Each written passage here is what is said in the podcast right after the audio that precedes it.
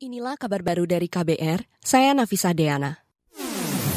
Kabar Pemilu Kabar Pemilu Komisi Pemilihan Umum atau KPU menetapkan daftar pemilih sementara pemilu 2024 dalam rapat pleno terbuka siang ini.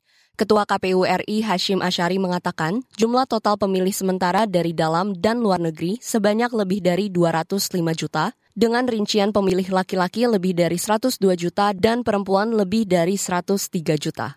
Selanjutnya, pada tingkat nasional, jumlah kabupaten kota adalah 514 kabupaten kota.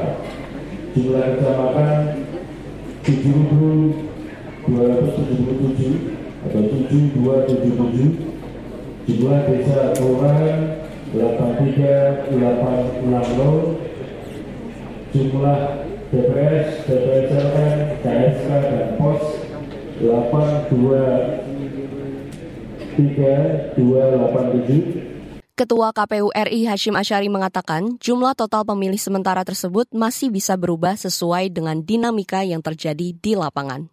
Kita ke informasi selanjutnya. Kepala Polri Listio Sigit Prabowo melepas 23 ribu pemudik pada program mudik gratis Polri Presisi. Listio mengatakan sebanyak 434 bus mudik gratis itu akan diberangkatkan ke 14 kabupaten di Jawa Barat, Jawa Tengah, Jawa Timur, dan Daerah Istimewa Yogyakarta atau DIY.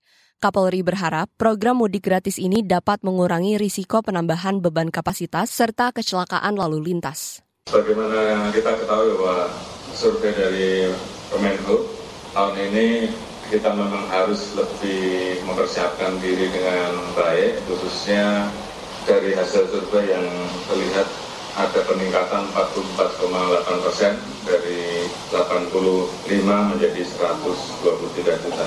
Di mana tujuan perjalanan terbanyak wilayah Jawa Tengah mendekati prioritas pertama 26,45 persen, Kapolri Listio Sigit Prabowo berpesan agar para pengemudi berhati-hati karena angka kecelakaan lalu lintas tahun lalu mencapai 3.450-an kasus. Ia juga meminta agar petugas pengawalan bus gratis mengingatkan pengemudi saat waktunya untuk beristirahat. Kita ke berita luar negeri. Para menteri luar negeri dari negara-negara anggota kelompok 7 atau G7 mengecam retorika nuklir Rusia. Mereka menilai pernyataan Rusia sebagai tidak bertanggung jawab. G7 menyebut penempatan senjata nuklir Rusia di Belarus tidak bisa diterima. Mereka juga mengatakan setiap penggunaan senjata kimia, biologi, atau nuklir di Ukraina akan menghadapi konsekuensi yang sangat berat. Para menlu negara industri G7 menyampaikan pernyataan mereka dalam sebuah komunike setelah bertemu selama tiga hari di Karuizawa, Jepang. Komunike menyoroti dua isu utama agresi militer Rusia di Ukraina dan kekhawatiran aksi yang sama oleh China terhadap Taiwan. G7 meminta China bertindak sebagai anggota komunitas internasional yang bertanggung jawab. G7 adalah kelompok tujuh negara kaya yang beranggotakan Amerika Serikat, Inggris, Kanada, Prancis, Jerman, Italia, dan Jepang. Demikian kabar baru dari KBR, saya Nafisa Diana.